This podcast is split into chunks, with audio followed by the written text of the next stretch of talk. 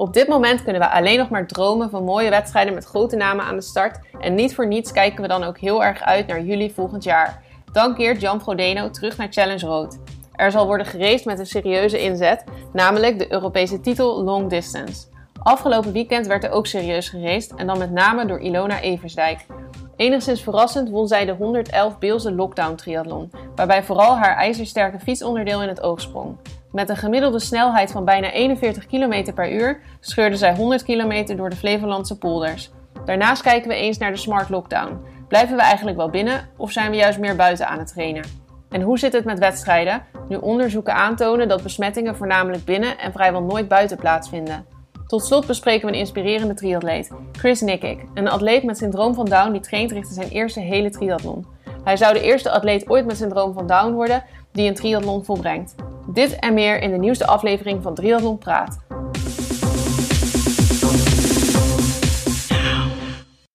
Jan Frodeno toch weer terug naar rood, jongens. Vorige, of vorig jaar, uh, het is natuurlijk niet vorig jaar, maar dit jaar eigenlijk uh, zou die erbij zijn. Maakte die vorig jaar bekend. Uh, nou ja, het is natuurlijk eh, overduidelijk. Challenge Rood gaat niet door. Dat werd een aantal weken geleden al bekendgemaakt. Volgend jaar gaat de race, als het goed is, wel weer door. En dan is Jan Frodeno er dus. Nou ja, opnieuw is niet helemaal het juiste woord, maar ja, eigenlijk ook wel weer wel. Is hij er opnieuw dus bij. Nou ja, Arjan, dat gaat spektakel opleveren, denk ik.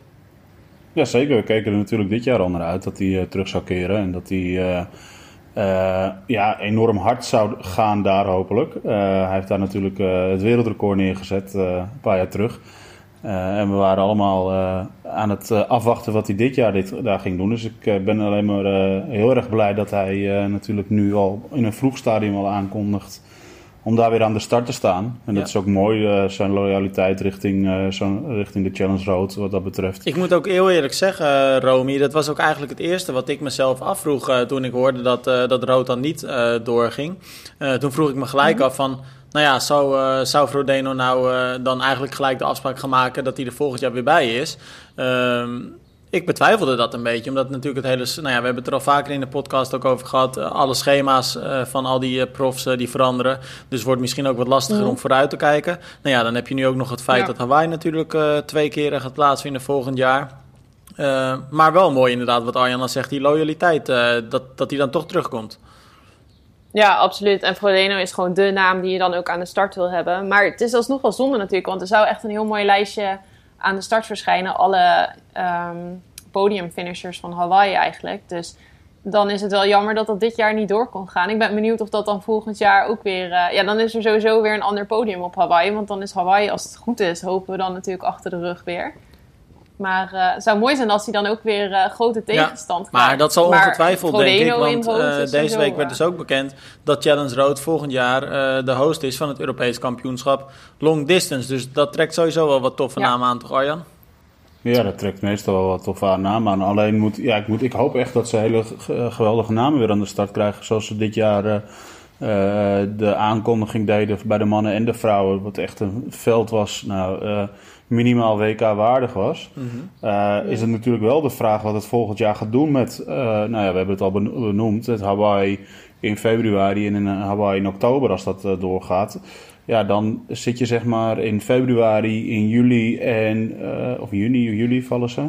En dan weer in oktober met een hele. Nou, dat is wel, als je die vier wil pieken, of die drie wil pieken, ik denk dat dat heel lastig is. Ja. Dus uh, het ja. is maar de vraag hoeveel grote namen nu ook zeggen van ja, ik focus me echt twee keer op Hawaii bij wijze van spreken met één keer een race tussendoor om het te kwalificeren. Of dat uh, mensen toch uh, wel zeggen, ja, we gaan, we gaan wel naar, naar Rood toe om te kijken om het Frodeno lastig te maken. Ja, ik hoorde dat, dat Frodeno op Facebook al had geschreven dat hij zich nogal zorgen maakt over een outsider die daar aan de start zal staan, namelijk ene Temoria. Ja, dat hoorde ik ook, ja. ja die is Welke zal die dan bedoelen? maar even zonder dolle. Uh, EK in uh, rood, heel vet natuurlijk. En, uh, ja, het is er ook een hele mooie wedstrijd voor, een iconische race. Um, werkt het dan ook, Romy, als ik eventjes naar jou kijk, bijvoorbeeld voor Evert zo? Mm. Dat als hij dan hoort dat het, dat het EK naar rood gaat, dat hij die wedstrijd dan gelijk in zijn agenda zet? Of werkt dat niet zo?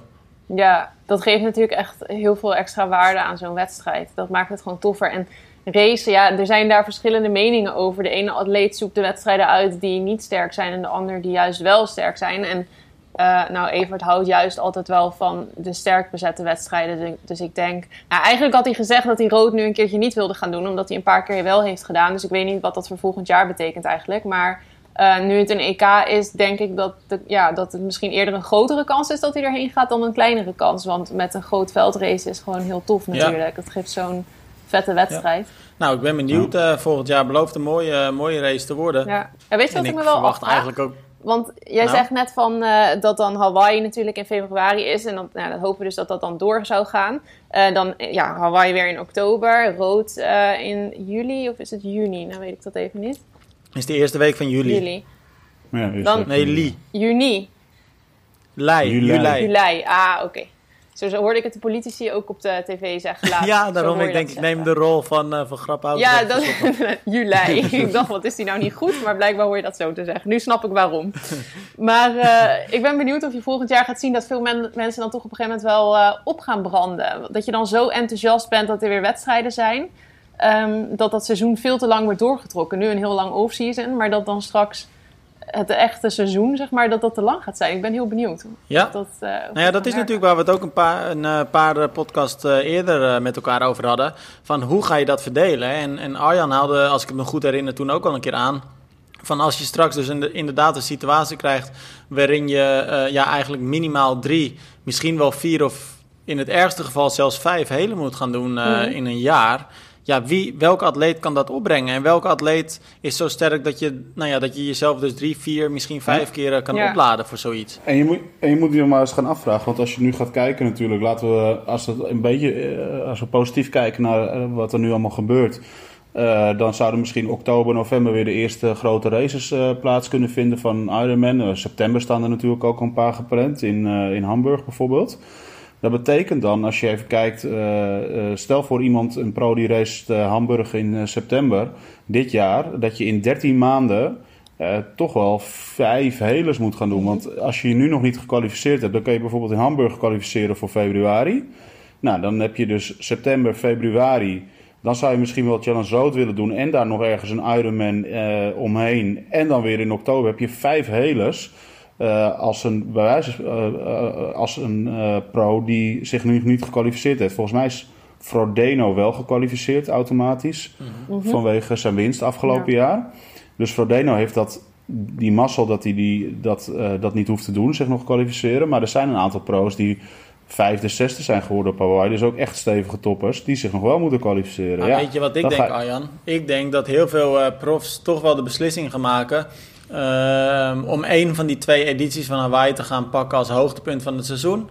Uh, zich daar volledig op richten. En die andere wedstrijd, hoe bizar het dan ook klinkt met zo'n belangrijke wedstrijd. Maar dat als een soort bijzaak gaan zien. En dan, zien ze, dan denk ik dat ze zoiets hebben van... Nou, als ik me er nog voor kwalificeer, prima. Als het niet lukt, niet. Maar ik wil in ieder geval op één van die twee op mijn best. Ja, ik denk dat die eerste dan gewoon uh, sowieso voor iedereen uh, omcirkeld op de kalender komt te staan. En dat het dan daarna zien is wat er overblijft in oktober. Dat er dan misschien aardig wat zijn afgevallen met blessures of gewoon opgebrand. Of ze staan er wel. Nou, heel eerlijk, Romy. Ja. Ik denk dat heel veel atleten het ook andersom gaan doen. Dat ze februari misschien niet eens nu als hoogtepunt gaan pakken.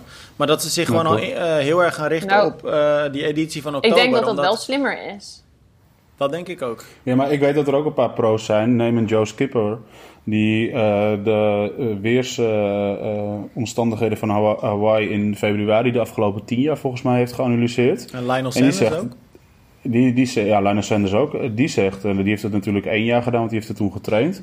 Maar die zegt dat het ligt me veel beter. En ik heb nog nooit op Hawaii een goede marathon kunnen lopen, zoals we hem bijvoorbeeld wel in Almere hebben zien lopen. Als hij dat in Hawaii ook kan, uh, in februari onder iets koelere omstandigheden, ja, dan is hij zomaar een, uh, een uh, goede outsider. Dat is ook absoluut waar. Um, maar het gevaar zit hem dus inderdaad wel in het feit dat je je kunt gaan opbranden in zo'n seizoen. En dat is echt wel een hele lastige puzzel voor heel veel atleten, denk ik. Ja, daarom denk ik precies wat jij zegt. Er zullen een aantal zoals zo'n Sanders en misschien Skipper wel zeggen van februari wordt mijn hoofddoel. En dan zie ik wel hoe de rest van het seizoen loopt. en andere atleten die zeggen ja, februari is wel, wel tricky. die zullen zeggen nou oktober wordt mijn hoofddoel. En februari, als ik me daar kwalificeer, dan, uh, dan trek ik dat mooi mee als, uh, als training, bij wijze van spreken. Hoe raar dat ook Weet je wat, wat me ook verbaast, ehm, en dat heeft hier zeg maar wel enigszins mee te maken. En dat heeft ook een beetje mee te maken waar ik het vorige week met Stijn Jansen over had, die natuurlijk in onze podcast zat omdat hij door een, nou ja, door hem benoemde witte unit, uh, oftewel een witte zwaan, uh, werd aangevallen. um, maar ik vind het best een interessante uh, constatering. Ik zie op Facebook best wel heel wat atleten die nu allerlei testjes lopen. Hè? 5 Bizar. kilometer, 10 Ja. kilometer, Mhm. uh, of ze gaan 40 kilometer voluit fietsen. Ja, Um, cool. maar ik zie tijden voorbij komen. Er worden PR's gebroken alsof het niks is. Ik zag bijvoorbeeld een Richard Murray laatst een 1335 geloof ik lopen, of 1338 zoiets. Uh, en, maar zo kan ik echt tal van atleten opnoemen die hele scherpe tijden aan het lopen zijn. Ja. Ze lijken helemaal geen gas terug te nemen in deze periode. Dat uh, verbaast me wel. Ja, maar ik vind sowieso altijd in de winter merk je altijd dat dan allemaal van dat soort dingen, ja, nu nog meer dan anders, maar dat er dan heel veel van die records en zo worden gelopen. En dan, uh, niet lullig bedoeld, want ja, uh, ik weet niet, Richard Murray gaat het misschien hartstikke goed doen, maar bij sommige atleten zie je dan ook wel dat er, als het seizoen eenmaal begint, weet je wel, zie je er helemaal niks meer van terug. Ik denk, als je dan social media zo kijkt, dat is eigenlijk altijd in de winter, dan raak je heel erg onder de indruk van wat iedereen aan het doen is. En dan totdat uiteindelijk het wedstrijdseizoen begint. En dan, ja, ik vraag me dan altijd af waar die tijden dan vandaan zijn gekomen, zeg maar. Ja. Bij veel. Ja. Niet bij iedereen natuurlijk, maar dus ik ben benieuwd. Ja, maar, dat, maar dat je, zou, je, zou je ook kunnen afvragen, wordt er dan niet verkeerd getraind? Nou ja, je? dat is Ja. inderdaad de vraag die ik een, probeer, een beetje probeerde op te werpen. Want het verbaast me ergens wel. Nou, je ziet het wel precies wat Romy zegt. Je, ziet, eh, de, je hebt de koning, we noemden het eh, toen ik eh, triathlon deed en we zagen van dat soort tijden of iemand begon echt van, ja, je hebt dit en dit en dit Mhm. gedaan. Ja, de koning van de winter, weet je wel. En dan, ja, Ja. top dat je die titel hebt, maar het is de enige titel die je in je zak kan stoppen. Want in, de, in het zomerseizoen kwam het er dan nooit uit. Ja. En ja, dat is, het kan allerlei, ehm, ja, het kan allerlei redenen hebben. Ik, eh, ik, het is altijd gissen, je kan niet in iemands eh, trainingsschema zomaar kijken. Dus, maar het is wel verbazingwekkend, eh, inderdaad, wat je zegt, Tim. En wat ik inderdaad verbazingwekkend vind, is dat ik best wel wat pro's ook best wel, nou ja, Richard Murray, die een 13, 36, 38 liep, die echt gewoon voluit gaat. En dan denk ik, ja, het seizoen is nog lang. Ja. Spaar je nou gewoon eventjes of wacht nou gewoon tot volgend jaar? Ehm, ja, het lijkt wel alsof ze een soort seizoen doordraaien en af en toe toch eh, van die, ehm, eh, ja, hoe noem je dat, eh, prikkels, eh, wedstrijdprikkels willen geven door dat soort eh, testen te lopen. Ja, en aan de andere kant is het natuurlijk ook zo, als je zo'n 5 kilometer intensief loopt, of zeg gerust eh, maximaal voluit, maar dan is de herstelperiode natuurlijk niet zo heel lang. Hè? Dus als je daaromheen rustig doortraint, is er ook weer niet zo heel veel aan de hand. Nee, maar dan hebben ze wel dus al doelgericht naar die vijf kilometer, denk ik, ook Ja. toegetraind. Neem ik aan. Ja. Ja, Dat het, denk ik ook. Het kan allerlei, eh, het kan allerlei redenen hebben, weet je. Ik, eh, het kan ook zijn dat je een hele zware, tra- eh, een paar zware trainingsweken hebt gehad... en dat je die afsluit om je eh, lichaam nog eens extra te prikkelen met zo'n test. Eh, het kan ook andere redenen zijn om gewoon het, het lichaam scherp te houden omdat het nu natuurlijk al een aantal maanden niet gereisd heeft... om het toch weer die, eh, die soort van wedstrijdprikkels te geven. Ja, precies. Dat denk ik eigenlijk ook. Ehm, maar ik zie dat Tim weggevallen is. Ik weet niet, volgens mij zit hij niet meer in het gesprek. Ik denk dat er iets met zijn internet... eh, ja, er zal iets met zijn internet zijn. Ja, dus nou, dan eh, komt ons noodprotocol eh, moeten we inzetten. Dus dat betekent dat we verder gaan zonder Tim. ja, nou ja, weet je, of hij, of hij voelt zich aangesproken door koning van de wintertraining. ik denk het. Ik denk, Ja. ik denk dat hij is, aan, hij is aan het trainen. ja, hij denkt, ik ga maar snel trainen, het is geen winter meer. Ja. Maar over iemand gesproken die eh, ook nogal eh, hard aan het trainen is. En eh, die ook wel blijkt dat ze goed aan het trainen is. Niet alleen in de winter aan het pieken tijdens de training. Maar nu ook eigenlijk een soort van wedstrijd heeft gewonnen. Dat is Ilona Eversdijk. Ja. Want die heeft dit weekend de Beelse 11, of 111 heet het geloof ik moet ik dan zeggen. Beelse Lockdown Triathlon Challenge gewonnen. Het heet een triathlon challenge, maar het is het eigenlijk niet helemaal, kwamen we achter later. Dus de naam klopt niet helemaal. Want ehm, ze zwemmen niet, maar ze lopen 1 kilometer, fietsen er 100 en vervolgens nog eens 10 kilometer lopen. Ja. Ehm, en dat, dat is natuurlijk niet als een normale wedstrijd gedaan, maar ehm, online. Maar dan niet, ja, eigenlijk op Strava. Iedereen moest zijn, eh, zijn prestatie uploaden naar Strava. Eh, dus het is niet op de indoor trainer of zo. Het was wel echt daadwerkelijk, eh, ja, buiten hebben mensen het afgelegd. Mhm. Maar die deed het indrukwekkend goed, denk ik toch wel, hè? Ja, wel indrukwekkend goed, absoluut. Ze reden ruim 40 km per uur. Alleen, ja, wat mij dan meteen wel opviel, want ik zag daar bericht over verschijnen, is dat ze dan geen rondje heeft gereden. Natuurlijk uh, is deze hele discussie toen ook met die Ironman VR-wedstrijden geweest. Van uh, ja, je, binnen de regels kies je parcours zo goed mogelijk uit. Nou, dat heeft Ilona volgens mij ook gedaan. Uh, mm. Overigens wel gezegd hebben dat ze af en toe in de, in de polder wel een paar rondjes heeft gereden. Maar ze is begonnen met een heel stuk uh, op de Oostvaardersdijk. Voor de mensen die uh, bekend zijn met de challenge Almere Amsterdam. Is dat zeg maar vanaf Almere Poort richting Lelystad. die heeft ze helemaal gereden. Uh, en dan mm -hmm. is de polder ingedoken met een paar rondjes. Maar ja, we weten allemaal dat van het weekend best wel wat wind stond. En je had hem daar wel mee, slash schuin mee. Uh, dus ja, daar ja. heeft ze weer heel slim uh, gekozen. Goed gebruik van gemaakt, ja. Ja, ja, ja, er is wat voor te zeggen. Ik, ik, toch zie je nu steeds wel met die virtuele races, zeg maar, dit ook een soort van virtuele race, alleen dan wel buiten. Dat er nog best wel wat gaten zijn in de regelgeving. Uh, dus dat je bijvoorbeeld uh, van A naar B mag fietsen en niet een rondje moet fietsen. Nou ja, dat ja. soort dingen is natuurlijk wel, is wel wat voor te zeggen. Het is, blijft wat mij betreft wel echt wel indrukwekkend. Bijna 41 km per uur over 100 kilometer mm -hmm. rijden. ja, zeker ja. knap. Ja, dat is wel... Want...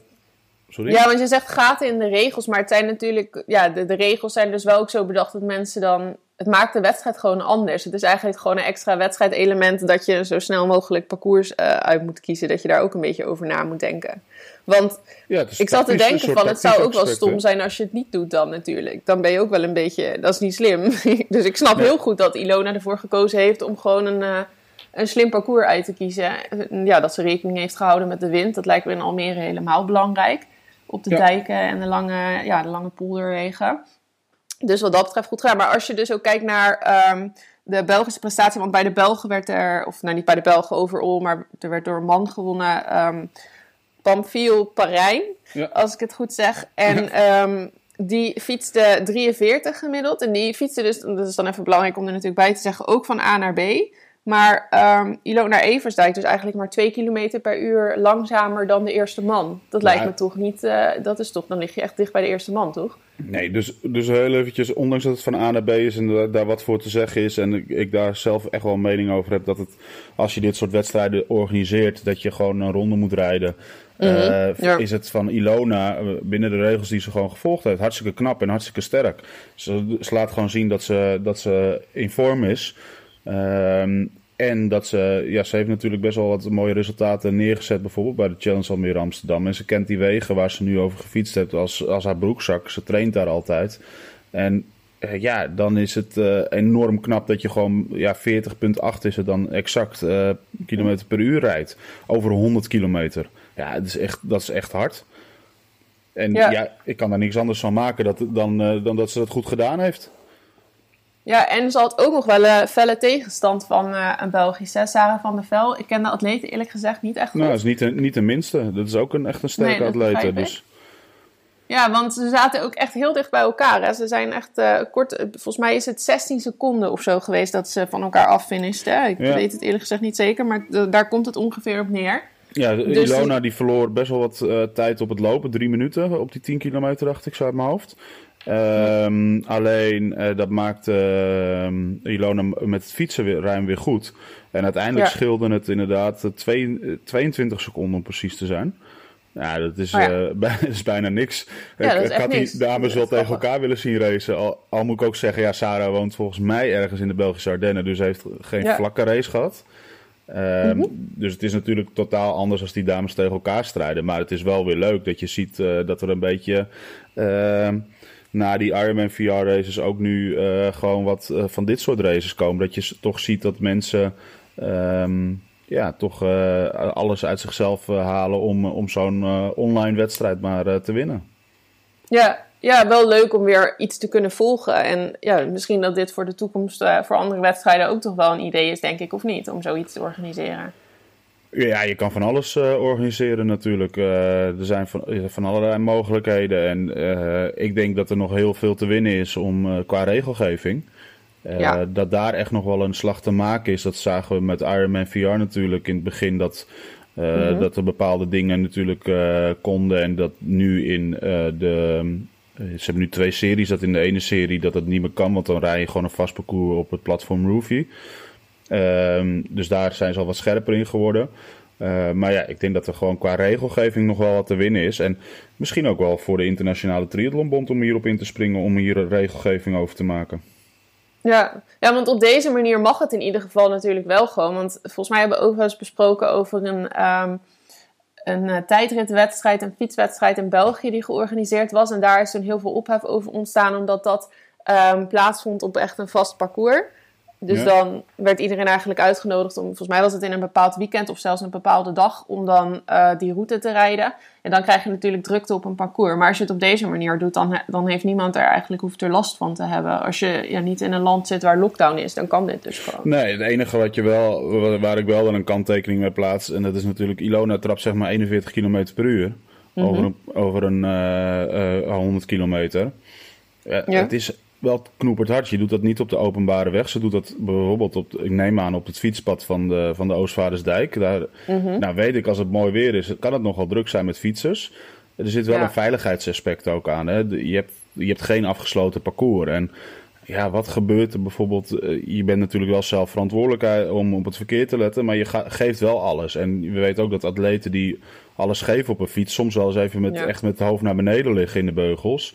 En dat kan wel mhm. gevaarlijke ja, kan gevaarlijke dingen opleveren. Ik hoop dat het. Ja, misschien toch ook dat je even een slechte afweging maakt, omdat er minder bloed naar je hersenen gaat, dat je dan toch uh, de verkeerde keuzes maakt in een split second. Zou ja, dus, dus het is wel eventjes. Kijk, het is heel leuk dat dit allemaal kan. Alleen er zijn allerlei kanttekeningen bij. En ik snap wel dat die ook door anderen gemaakt worden. Wij hadden met de tijdrit uh, die wij zouden organiseren in april, hadden we ook op een gegeven moment een Strava Challenge uh, gezet van een stuk van parcours. Nou, ik kreeg ook best wel negatieve reacties op. En daar hebben we uiteindelijk ook van gezegd als organisatie zijn. Nou, dat doen we niet, want we begrijpen de ophef die daarover is. Ja. Um, en je gaat toch mensen uitnodigen. Inderdaad, volgens mij deden we het weekend of een week lang op een bepaalde Strava-segment. Mhm. Om daar naartoe te komen en dat te rijden. Ja, en als dat in één keer een mooie dag is en er staan uh, bij wijze van spreken 50 man daar. Ja, dan wil je ook niet als organisatie op je geweten hebben dat je dat opgeroepen hebt. Dus het is wel, ja, er zijn hier en daar wat haken en ogen. Alleen, ik vind het wel leuk dat we gewoon nu weer wat uitslagen hebben. En dat we dus gewoon uh, ook kunnen zien dat atleten ook echt wel in vorm zijn, ondanks uh, uh, dat er geen echte wedstrijden zijn momenteel. Ja, zeker leuk om te zien. En ik zie ook wel op social media dat er nog hard wordt getraind. En dat blijkt ook wel als je kijkt naar de cijfers. Want um, Polar die heeft wat uh, cijfers onderzocht. En dan hebben we het nu in dit geval dus wel alleen over Polar-atleten. Maar ik denk wel dat dat een goed beeld geeft uh, van ja, het gemiddelde aan sporten. Wat dus blijkbaar is toegenomen. Um, ja. En dan vooral buitensport. Op zich logisch, denk ik. Want uh, nou ja, de sportscholen die zijn natuurlijk dicht. Dus je ziet wel dat het gebruik van de loopband, um, de crosstrainer, roeimachine... dat dat echt heel erg is afgenomen. Ja. Um, nou ja, nu wordt het natuurlijk sowieso ook beter weer. Dus het is ook wel logischer dat er. Uh, want ze vergelijken de cijfers eigenlijk van april. Uh, ja, april kijken ze naar in vergelijking tot januari. Nee, februari moet ik zeggen. Ja. Um, dus het is op zich logisch dat er natuurlijk meer buiten gesport wordt, want het is ook lekkerder weer geworden. Maar als ze dat dan vergelijken met vorig jaar, is dat wel grappig om te zien, want dat is echt een gigantische groei. Ja. Heb je die cijfers gezien? Ja, ik, ik heb vooral april viel mij heel erg op. Kijk, uh, je ziet in maart ook al dat er volgens mij 20% meer bijna geregistreerde sportsessies heeft Polar dan over. Mm -hmm. gedaan worden. Uh, en ze hebben daar ook nog een hele mooie grafiek daaronder. het aantal binnen- versus buitensportsessies. daar ja. zie je inderdaad dat de binnensportsessies sinds de lockdown enorm afnemen. Want dat klopt ook wel, want wat jij zegt, de sportscholen zijn dicht, dus er zijn geen uh, roeisessies, uh, loopbandsessies en dat soort zaken meer. Mm -hmm. uh, maar je ziet, het is niet zo dat alles wat uh, indoor zeg maar naar beneden gaat, dat het outdoor erbij komt. Het lijkt wel outdoor verdubbeld wat erbij komt. Ja, ja, want als je dus kijkt naar een beetje wat fietsgegevens, dan um, het, het, aantal zwemtrainingen trouwens zakte bijna richting nul, zie ik hier nu staan. Maar goed, dat is ook wel heel logisch. Ja, dat is ook wel logisch. Ja, Zeker in maart en april waren ook niet heel veel mensen aan het buiten zwemmen. En de zwembaden waren dicht. Ja, dus dat was wel dat is Daar vrij logisch. helemaal niks. Maar als je dan ja. ziet het fietsen inderdaad, wat jij zegt. Nou, dat gaat ja, want gewoon... er was dus uh, echt een gigantische groei. 328% ten opzichte van februari. Ja. Dus uh, vorige maand. En um, dat is dan voor het racefietsen. En het mountainbiken, dat was 140% ten opzichte van eerder dit jaar. En nou zegt dat misschien niet zoveel, omdat wat ik net al zei, dat het weer ook beter is geworden. Maar als je dan kijkt naar 2019, hoe die groei toen was in diezelfde maanden, dan was dat uh, 72%. Dus in vergelijking Ja. tot 328 en 6% in vergelijking tot 140. Ja. Dat is Ja, ik- ik- zoveel meer. Ja, het is heel veel. En ik, ja, weet je, ik, ik ben altijd wel een beetje eh, zo'n cijferfreak die wat verder wil kijken. En dan denk ik, ja, dit is ten Mhm. opzichte van 2019. Hoe was het weer in 2019? Ik heb geen idee. Hadden we een slechte aprilmaand en maartmaand? We weten allemaal dat we nu echt wel goed weer hebben gehad. eh, in- Mhm. In april zeker, in maart ook wel wat goede dagen. Dus dat kan, eh, kan een deelverklaring zijn. Ehm, is het gewoon omdat mensen meer gaan sporten, meer gaan hardlopen? Dus eh, eigenlijk zou je de cijfers van de afgelopen tien jaar er bij wijze van spreken bij willen leggen. Ja. Is het omdat mensen meer polar, polar horloges hebben aangeschaft? Dat zou ook nog kunnen. Ehm, dus Ja. ten opzichte van hoeveel mensen is dit? Want dit gaat op het aantal geregistreerde sportsessies. Maar hoeveel gebruikers heb je dan? Als jouw gebruikers ook 20% groeien, dan is het logisch dat Ja. je ook weer 20% meer sportsessies hebt. Dus er zitten wel wat haken en ogen aan deze cijfers. Alleen het laat wel, denk ik, zien dat we wel met z'n allen meer zijn buiten gaan sporten eh, sinds Ja. de lockdown. Eh, wat overigens, ik had het er met Tim eventjes over, die, eh, die nu weg is. Maar Tim die vond dat heel merkwaardig. Eh, maar ik zei, ja, het is op zich ook wel logisch. Ja, weet je, je hebt geen reistijd meer naar je werk, want iedereen werkt er bijna thuis. Eh, je werkt, als je een gezin hebt, je werkt met z'n tweeën thuis. Nou, ik kon makkelijk even zeggen van, nou, pas jij nu even op de kids, dan ga ik even een rondje hardlopen tussen de middag. Terwijl dat voorheen Ja, niet kon, omdat ik dan op mijn werk was. Eh, en dan kon ik niet gaan hardlopen. Moest ik echt de, de, de tijden s'avonds uh, uitzoeken om dat te gaan doen. Dus je hebt, je, Ja. ja. je hebt veel meer mogelijkheden ineens. Ja, en jij was altijd al sportief natuurlijk, dus dan is het Nou. makkelijker om... Ja, nou ja, jij was wel sportief. Ja, dat vind je zelf misschien niet, maar als je het vergelijkt met een gemiddelde Nederlander, dan was je natuurlijk altijd wel sportief. Nou, ik denk dat ik, eh. denk dat ik nog steeds ondergemiddeld ben hoor, qua aantal. eh, Maar wat is ondergemiddeld dan? Oh, dan ben ik benieuwd wat jij denkt dat ondergemiddeld is. Ik denk dat gemiddeld mensen, eh, ja, nou, gemiddeld, gem- ja, dat is lastig. Maar ik denk dat anderhalf, twee keer per week mensen wel sporten. Nee, dat is wel veel trouwens als je gemiddeld Ja, kijkt. er zijn heel veel mensen die volgens mij één keer in de week sporten een soort van de regel vinden dat je dat moet, dat dat het dan gezond is als je één ja, keer in de week naar de ik, zit sportschool denk ik, gaat. aan, nul- ik zit dan denk ik aan 0,8 keer per week. Oh, oké.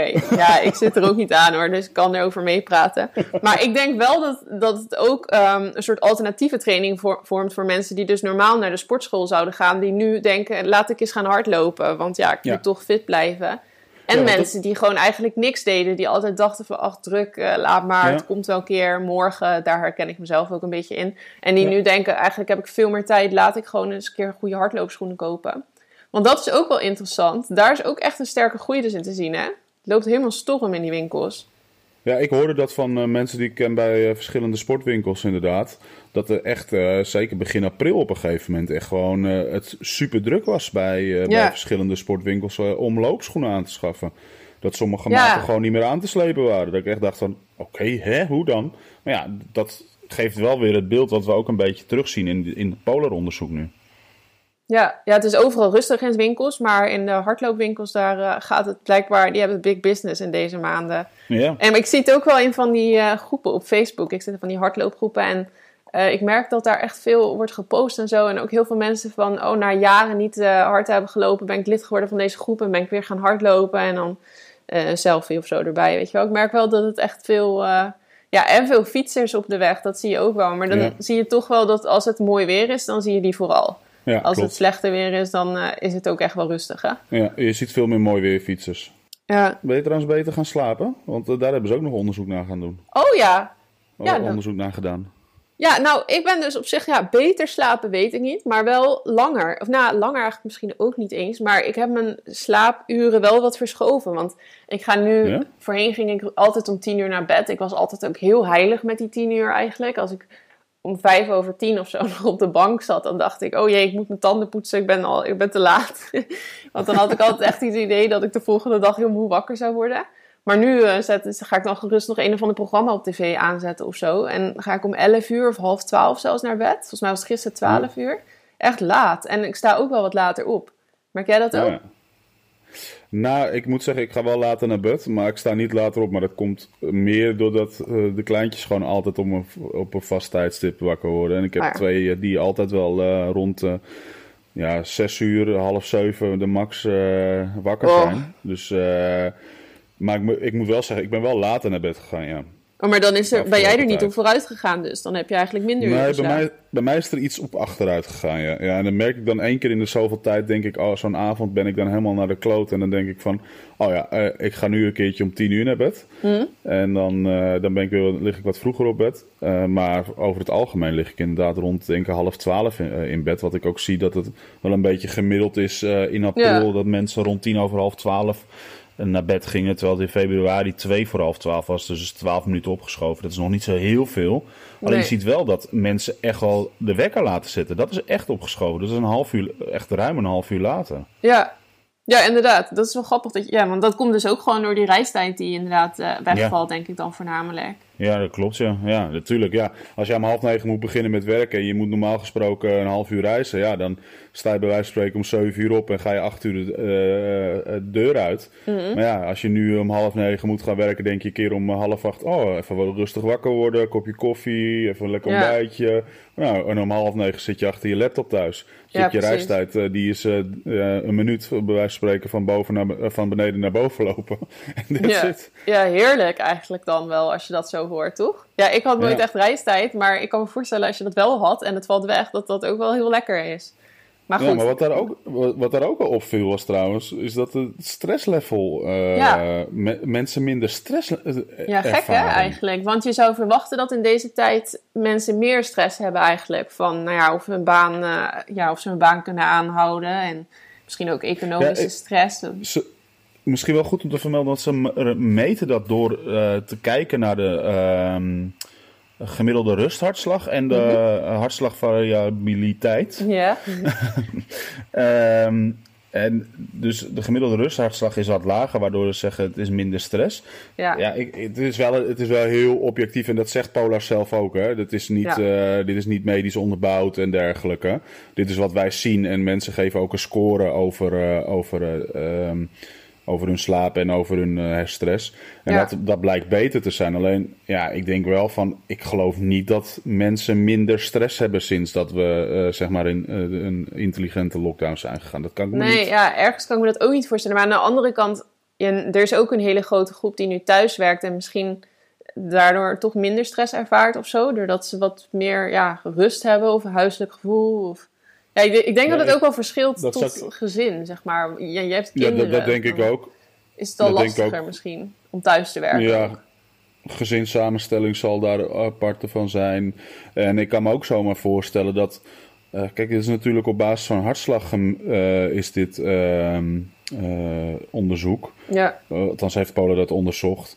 Ehm, ik kan me voorstellen dat als je bijvoorbeeld eh, sport, dat je juist even tot rust komt als je heel erg gestrest bent. En dat je misschien daardoor wel een soort eh, ja, minder stress. Ik weet niet hoe dat zit, of dan ook je rusthartslag lager is. Ik, ik, ik vind ja het moeilijk in te uiteindelijk schatten wat wel. precies Maar is. als je net sport een beetje oppakt, ja, dat is eigenlijk een beetje lastig. Want je zou zeggen dat als mensen meer gaan sporten, dan is dat, ja, uiteindelijk helpt het volgens mij om je rusthartslag omlaag te brengen. Maar ehm, je hartslagvariabiliteit, die, ehm, die neemt volgens mij zeg maar dan af, moet je volgens mij zeggen. Dus dat er minder eh, verschil zit in die ehm, afstand. Want dat is eigenlijk de variabiliteit. Het verschil in afstand tussen die golflengtes, dat je, ja, dat je, hart, ja, dat je hard slaat eigenlijk. Hoe, de tussenpauzes.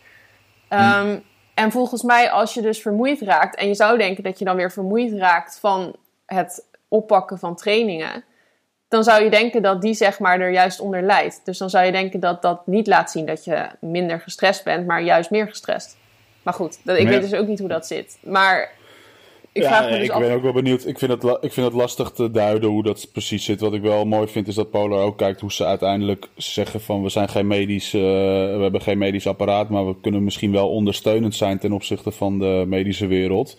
Door vroegtijdig te eh, herkennen dat mensen eh, zeg maar koorts hebben. Dus het gaat niet eh, specifiek om corona of COVID-19. Het gaat meer om van, ja, we zien dat bijvoorbeeld je, ehm, we weten dat eh, je lichaamstemperatuur je hartslag beïnvloedt. Dus we kunnen daar misschien wel wat signalen Ja. in inbouwen en eh, meehelpen. En ja, dat, is, dat lijkt me dan wel weer mooi om eh, bijvoorbeeld, je ziet toch dat ook dat soort bedrijven daar wel mee bezig zijn. Hoe, hoe kunnen we dat ondersteunen en hoe kunnen we uiteindelijk daar uh, ons steentje aan bijdragen. En dat is denk ik ook wel goed. Ook gewoon voor in de toekomst, dan voordat we helemaal geen corona meer hebben, is het ook goed dat je al bij wijze van spreken van Polar op een gegeven moment een berichtje krijgt op je horloge van nou, ik zie dat je hartslag zoveel is toegenomen. Het kan een mhm. indicatie zijn dat er iets niet goed is. Ja, ja, ik kan me voorstellen dat het kan helpen om aan te geven van uh, je bent toch vermoeider dan je misschien denkt. Of dat het even, ja, dat het je eraan herinnert of je even met de neus op de feiten drukt dat je je inderdaad vermoeid voelt. Want soms is dat wel, dan sta je op en dan denk je, ben ik nou lui of ben ik nou moe? En dan kan een hartslag wel, ja, kan je wel iets vertellen. Maar um, ja, of het nou koorts en zo dan ook echt, want wat, ja, daar, dan denk ik, daar heb je dan misschien niet zoveel aan. Want je merkt zelf toch ook wel wanneer je koorts hebt. Dus dan, en dan heb je ook nog eens, als je koorts hebt, dan heb je eigenlijk corona al behoorlijk pittig. Dan denk, denk ik dat je ook al wel aan het hoesten bent of zo. Of ja, misschien niet, maar als ik koorts heb, dan merk ik dat wel. Dan, uh, ja, misschien dat je dus in een vroegtijdige, nog een vroegtijdige stadium kan gaan herkennen. Waardoor je als sporter eerder kan stoppen met die hele zware trainingen. Want die hele zware trainingen, als je beginnend koorts hebt, wat je waarschijnlijk nog niet weet dan, kan natuurlijk wel een extra uh, klap zijn voor je lichaam. Dus ja, dat is misschien wel, uh, misschien wel goed dat ze dat doen. Ja, dat is waar. Dat je dan niet je immuunsysteem nog even extra aantast, maar juist een uh, glas uh, sinaasappelsap drinkt of zo. Ja, precies. ja. En om dan nog maar in de cijfertjes te blijven, want er waren dus nog meer uh, nou, leuke cijfers, denk ik wel. Want voor de triatleten onder ons is dit wel leuk nieuws. Um, of ja, eigenlijk alle buitensporters. Dat um, ja, we hadden het al wel een beetje verwacht, denk ik. Maar er zijn nu steeds meer onderzoeken die dat ook echt aantonen. Dat um, de besmettingskans in buitenlucht gewoon echt veel lager ligt met corona dan binnen. En eigenlijk zo laag zelfs dat er was een onderzoek ergens in China. Um, of nou, dat is niet eens een onderzoek, maar daar hebben ze. Sorry? In Hongkong. Oh, in Hongkong. Um, Nou, dat is eigenlijk ook een soort van China, toch? Dat was van de week nog van. maar goed, dat is een discussie die we maar niet in de podcast zullen voeren. maar dat ging over uh, 7542 uh, gevallen, waarvan er één, slechts één, dus um, in de buitenlucht uh, plaatsvond, besmettingen. Nee. En dat was iemand die wat langer met een ander stond te praten ergens op straat. Nou ja, ik weet nooit zo goed eerlijk gezegd of je dan dat soort cijfers uit Azië zo. Ja, ik weet niet. Ik vind het altijd toch een beetje moeilijk om te vertrouwen of zo. Maar nou ja, als het, als het klopt, dan is het wel heel positief. Ik dacht dat ook inderdaad. Ik zat precies hetzelfde. Ja, hoe zijn die cijfers allemaal te, te, te vertrouwen en, en, weet ik veel wat allemaal. En nu, blijkt, nu had ik gehoord dat een gepubliceerd onderzoek toch wel allemaal getoetst wordt door andere uh, medisch specialisten voordat het gepubliceerd mag worden. Oké. Uh, dus kennelijk is, het, is, is er wel voldoende. Uh, ja, in ieder geval aan de voorwaarden voldaan om het te kunnen ja. publiceren. Uh, ja, het, het, is heel goed nieuws. Uh, als dat inderdaad gewoon buiten bijna niet gebeurt. Um, ja, waarom uh, kunnen we dan bij wijze van spreken niet morgen beginnen? Ik snap heus wel dat je dat niet, dat, dat het niet zomaar kan en dat, dat, je, dat er best wel wat maatregelen, ook, ook al zou je buiten willen sporten met een wedstrijd, en je komt met een gemiddelde triathlon waar toch een paar honderd deelnemers aan de start staan, ja. moet je daar toch maatregelen voor treffen. Ja, komt er veel uh, bij ehm, kijken. Dus ik denk dat het vooral goed is van, ik weet dat uh, ITU een heel handboek heeft gemaakt hoe om te gaan met, met het uh, COVID-19 virus en, en de wedstrijden als je die wilt gaan organiseren. Okay. Uh, wanneer het weer mag. Ehm, Wat voor ja, dingen staan daarin? Weet je dat dan? Wat, heb je voorbeelden? Sorry? Heb je voorbeelden van dingen ja, die ze dan, waar je dan rekening mee moet houden? Ja, er staan, uh, ja, er staan er zijn allerlei dingen in. Je moet uh, mensen, uh, mensen je moet bijvoorbeeld mensen kunnen meten voor de wedstrijd, de temperatuur kunnen meten. Hm. je moet vo voldoen aan bijvoorbeeld een bepaalde breedte van de finishstraat, maar ook de wisselzone heeft een andere indeling. Okay. Um, overigens, als je de wisselzone dan, ik denk ik dat bij een heleboel triathlons niet met het aantal deelnemers gestart kan worden. Ehm, uh, waar ze normaal mee starten. Want er moet hm. veel meer ruimte per deelnemer in een, in een wisselzone. Wat ook ja. logisch is, want anders sta je bij wijze van spreken met elkaar uh, met binnen 50 centimeter van elkaar. Ja. Um, dus maar bij ITU was die ruimte altijd ook al wel heel groot, toch? Die hebben altijd van die echt grote plekken voor de fiets in de wisselzone. De WTS wel, ja. Dat klopt, de WTS uh, zeker. Maar er zijn natuurlijk ook genoeg... Uh, uiteindelijk is dit een, uh, een handleiding voor... die ze willen onder nationale bonden willen verspreiden. Stel voor dat het weer rustig opgestart mag worden. Oh, okay, ja. ja. Je weet, er zijn ook gewoon wisselzones waar je elke 50 centimeter een fiets neerzet. Ja. Ehm, en dan wel om en om aan de ene kant en de andere kant. Maar ja, dan sta je wel vlak bij elkaar. Dan sta je niet Ja. op die anderhalf meter. Dus ehm, eh, ik hoop dat het onderzoek echt. eh, eh, dat er meerdere van dit soort onderzoeken komen. die dit gaan aantonen. Waardoor je misschien ook wel wat minder maatregelen hoeft te nemen als wedstrijdorganisatie. En dus Ja. ook gewoon. weer rustig de wedstrijden kan opstarten. Ik kan me vo- voorstellen dat je niet in één keer met een evenement van eh 30.000 eh, eh, kan beginnen. Maar je kan misschien wel weer met wat kleinere evenementen beginnen. Dat zou wel heel mooi zijn. Ja, ja, nee, absoluut. Ik vraag me af wel ehm, in hoeverre, want ik zat laatst bijvoorbeeld, toen liep ik op de stoep en toen kwam er iemand echt heel hard hijgend aan, bij mij voorbij gejogd. En toen dacht ik van ja, is dat nou dan een kleinere kans? Dan vraag ik me dat af, want die kwam echt zo dicht langs. Nou, dat ging dan nog wel net misschien op anderhalve meter, maar het was een krappe anderhalve meter. En hij liep hier de berg op, dus hij was heel hard aan het hijgen. En toen dacht ik, nou, als, jij, nu, als jij nu iets hebt, dan zal ik het ook wel krijgen. Ik vind Ja, dat, dat, vond ik dus dat vind ik een beetje raar. Kijk, dit is een mooi onderzoek, maar er was volgens mij ergens in de beginperiode van, eh, van corona kwam er ook een onderzoek naar buiten dat als je volgens mij fietst, dat die spetters tot en je niest, dat die spetters tot 10 meter achter je of zo nog in de lucht blijven hangen. eh, Ergens. Oh ja, ja. In ieder geval veel meer dan die anderhalf. Ja. Eh, misschien was het 5 meter. Ik, ik noem even, ik weet het niet. Ik heb Ja, het volgens niet mij was het precies 30 wat het meter of zo. Want toen maakten wij nog grapjes van... oh, dan moet de drafting zone moet, eh, 30 meter worden. Ja, Maar ik weet het ook niet het was, het, was, het was vrij veel. En toen dacht ik van ja, nu hebben we dit onderzoek. Het, dus dus Ja, het spreekt het elkaar een beetje tegen. Hoe, in, welk, ja. in welke context staat dit onderzoek? Eh, weet je, als het 7542 mensen die onderzocht zijn, waarvan de één buiten is besmet. Maar hebben ze ook gekeken naar specifiek. eh, zijn dit bijvoorbeeld allemaal mensen die gewoon alleen buiten zijn geweest en boodschap hebben gedaan? Ja. Of zitten hier ook sporters bij? Ehm, dat vind ik een beetje lastig. Want er zijn dus ook weer andere onderzoeken die wel zeggen van ja, als je sport moet je de. Is het met die snelheid en eh, op je fiets, dan moet je er weer met andere afstanden rekening houden. Dus voor mij is het allemaal nog dubbel. En ik hoop dat we daar wat meer uitgebreidere onderzoeken eh, in, de, in de nabije toekomst voor krijgen. Zodat we wat meer, duid, ook wat meer weten erover gewoon. En wat meer kunnen duiden van oké, dat zit zo en dat zit zo. Dit, voor mij is dit nog best wel wat vragen. Nou heb ik niet het hele onderzoek gelezen. Mhm. Dat was nogal eh, ook best wel wat technisch-medische termen. Dat ik, ja, dat, ja, dat, snel ingewikkeld inderdaad. Ja. Nee, dat is niks voor mij. Dus, maar ik, ja, ik heb wel zoiets van. eh, ik hoop dat, het, dat er wat meer, nog meer duidelijkheid is. En dit zal, is een eerste mooie stap, eh, vind ik dan, eh, in di- dit onderzoek. Ja. Dat we misschien weer wat meer vrijheid kunnen krijgen om, om buiten te sporten. En misschien wel evenementen te houden. Het is in ieder geval wel, ja, wel even positief nieuws. Ik vond het echt wel even Ja. fijn om te lezen, goed om te lezen. En zo'n verhaal had ik ook, wat ik goed vond om te lezen gisterochtend. Of nou zeg ik Ja. trouwens, goed om te lezen. Ik heb het ook geschreven, dus ik vond het goed om te schrijven eigenlijk vooral. maar dat ging over eh, Chris Nikkik, als ik het goed zeg. Ehm, een triatleet met het syndroom van Down. Die hoopt een hele triathlon te volbrengen later dit jaar. Dus dat is dan even hopen dat het coronavirus allemaal een beetje, dat het allemaal goed voorbij gaat en dat het meewerkt. Maar dat is in ieder geval zijn doel, ooit een keer. Echt een superleuk verhaal vond ik het om te lezen. Ik werd er best wel echt even vrolijk van. En ook zijn, eh, zijn doel met die wedstrijd vond ik heel mooi. Want hij zegt eigenlijk, ik hou... Ja, hij krijgt natuurlijk heel veel aandacht als triatleet met syndroom van Down. Want hij is nu ook al wel actief. Hij heeft al een halve triathlon gedaan ook. Ehm, en hij doet van die... ehm, volgens mij heet het Special Needs... Of nee, Special Olympics. Olympics. Ja, Ja. ja.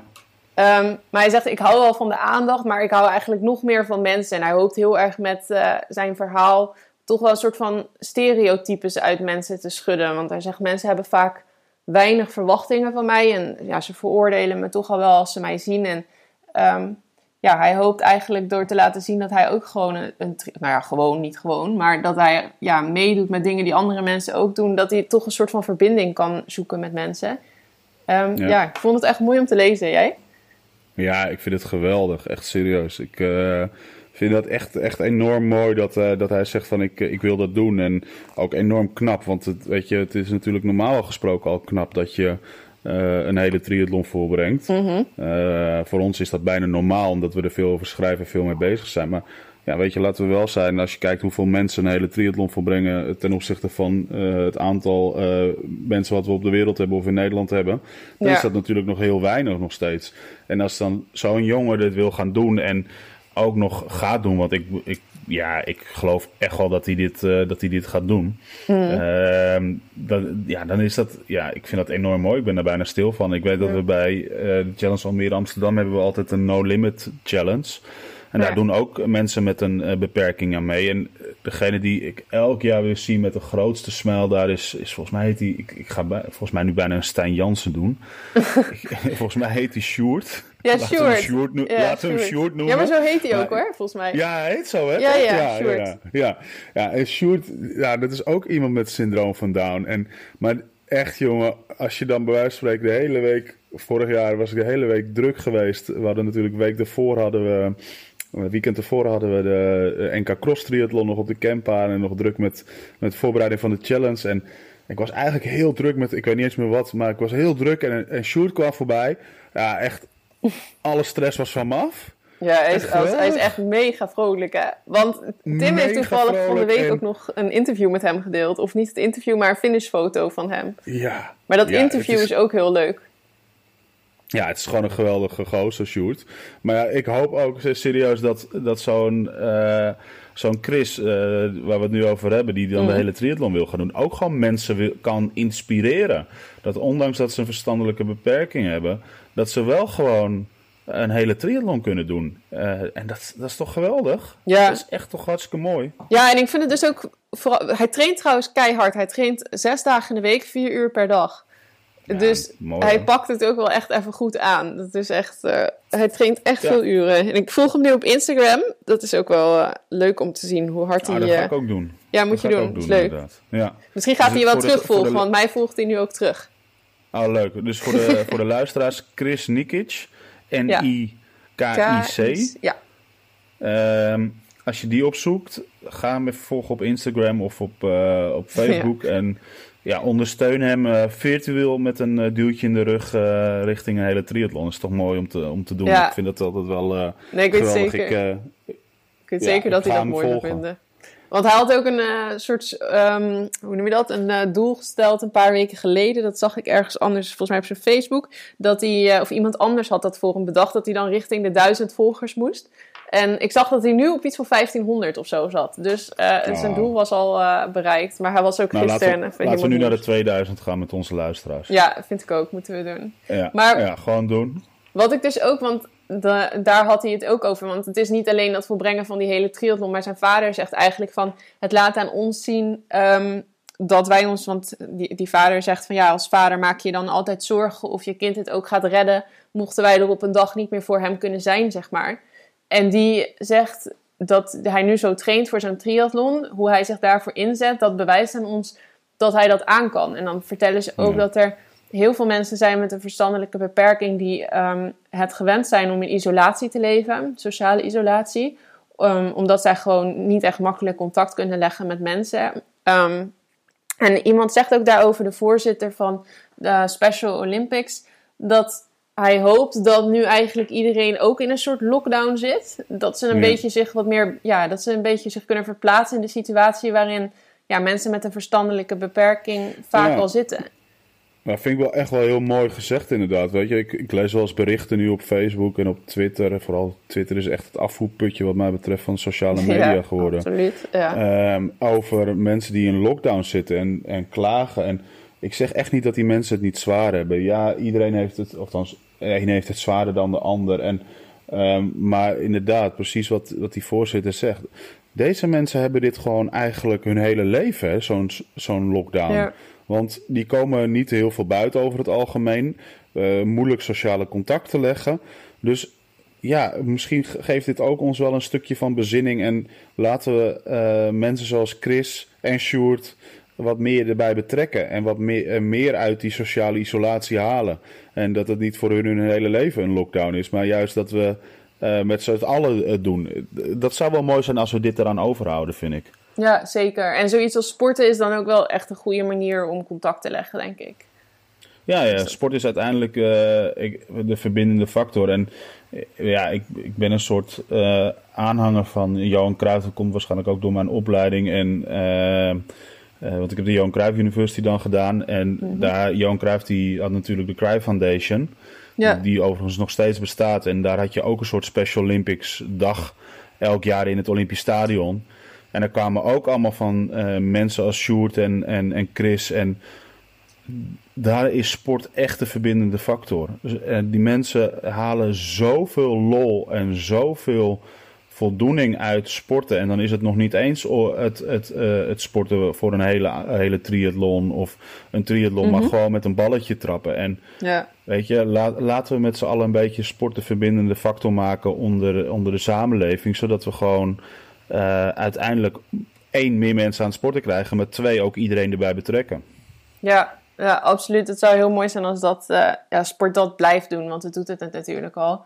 Maar eh, dat we dat daarmee door blijven gaan met dat soort dingen. Als ook een No Limit Challenge in Almere. En ja, zeker ook dat soort mooie evenementen. En dan gaan we maar weer hopen. Maar daar sloot ik vorige keer volgens mij de podcast ook al mee af. Dat dat dus inderdaad dit jaar ook kan. En dan, Ja, en als het niet dit jaar kan, laten we dan volgend jaar met z'n allen nog sterker eh, terugkomen en Ja, nog beter. zeker. En, eh, en nog mooier alles maken. Weet je, Ja. laten we het positief afsluiten en laten we naar, eh, als iets niet kan, kijken naar wat we wel kunnen. En we, we zijn gezegend dat we uiteindelijk heel veel kunnen. Absoluut. Mooie afsluiter. Dan ehm, spreek ik je volgende week weer. Dan gaan we even hopen dat Tim niet halverwege ons zo laat zitten. Met Ja. zijn eh, internetverbinding. ik ben benieuwd wat er aan de hand was. Dat moeten we maar even horen. Maar eh, we Ja. spreken elkaar volgende week. Yes, tot volgende week. Yo, doei. Hoi.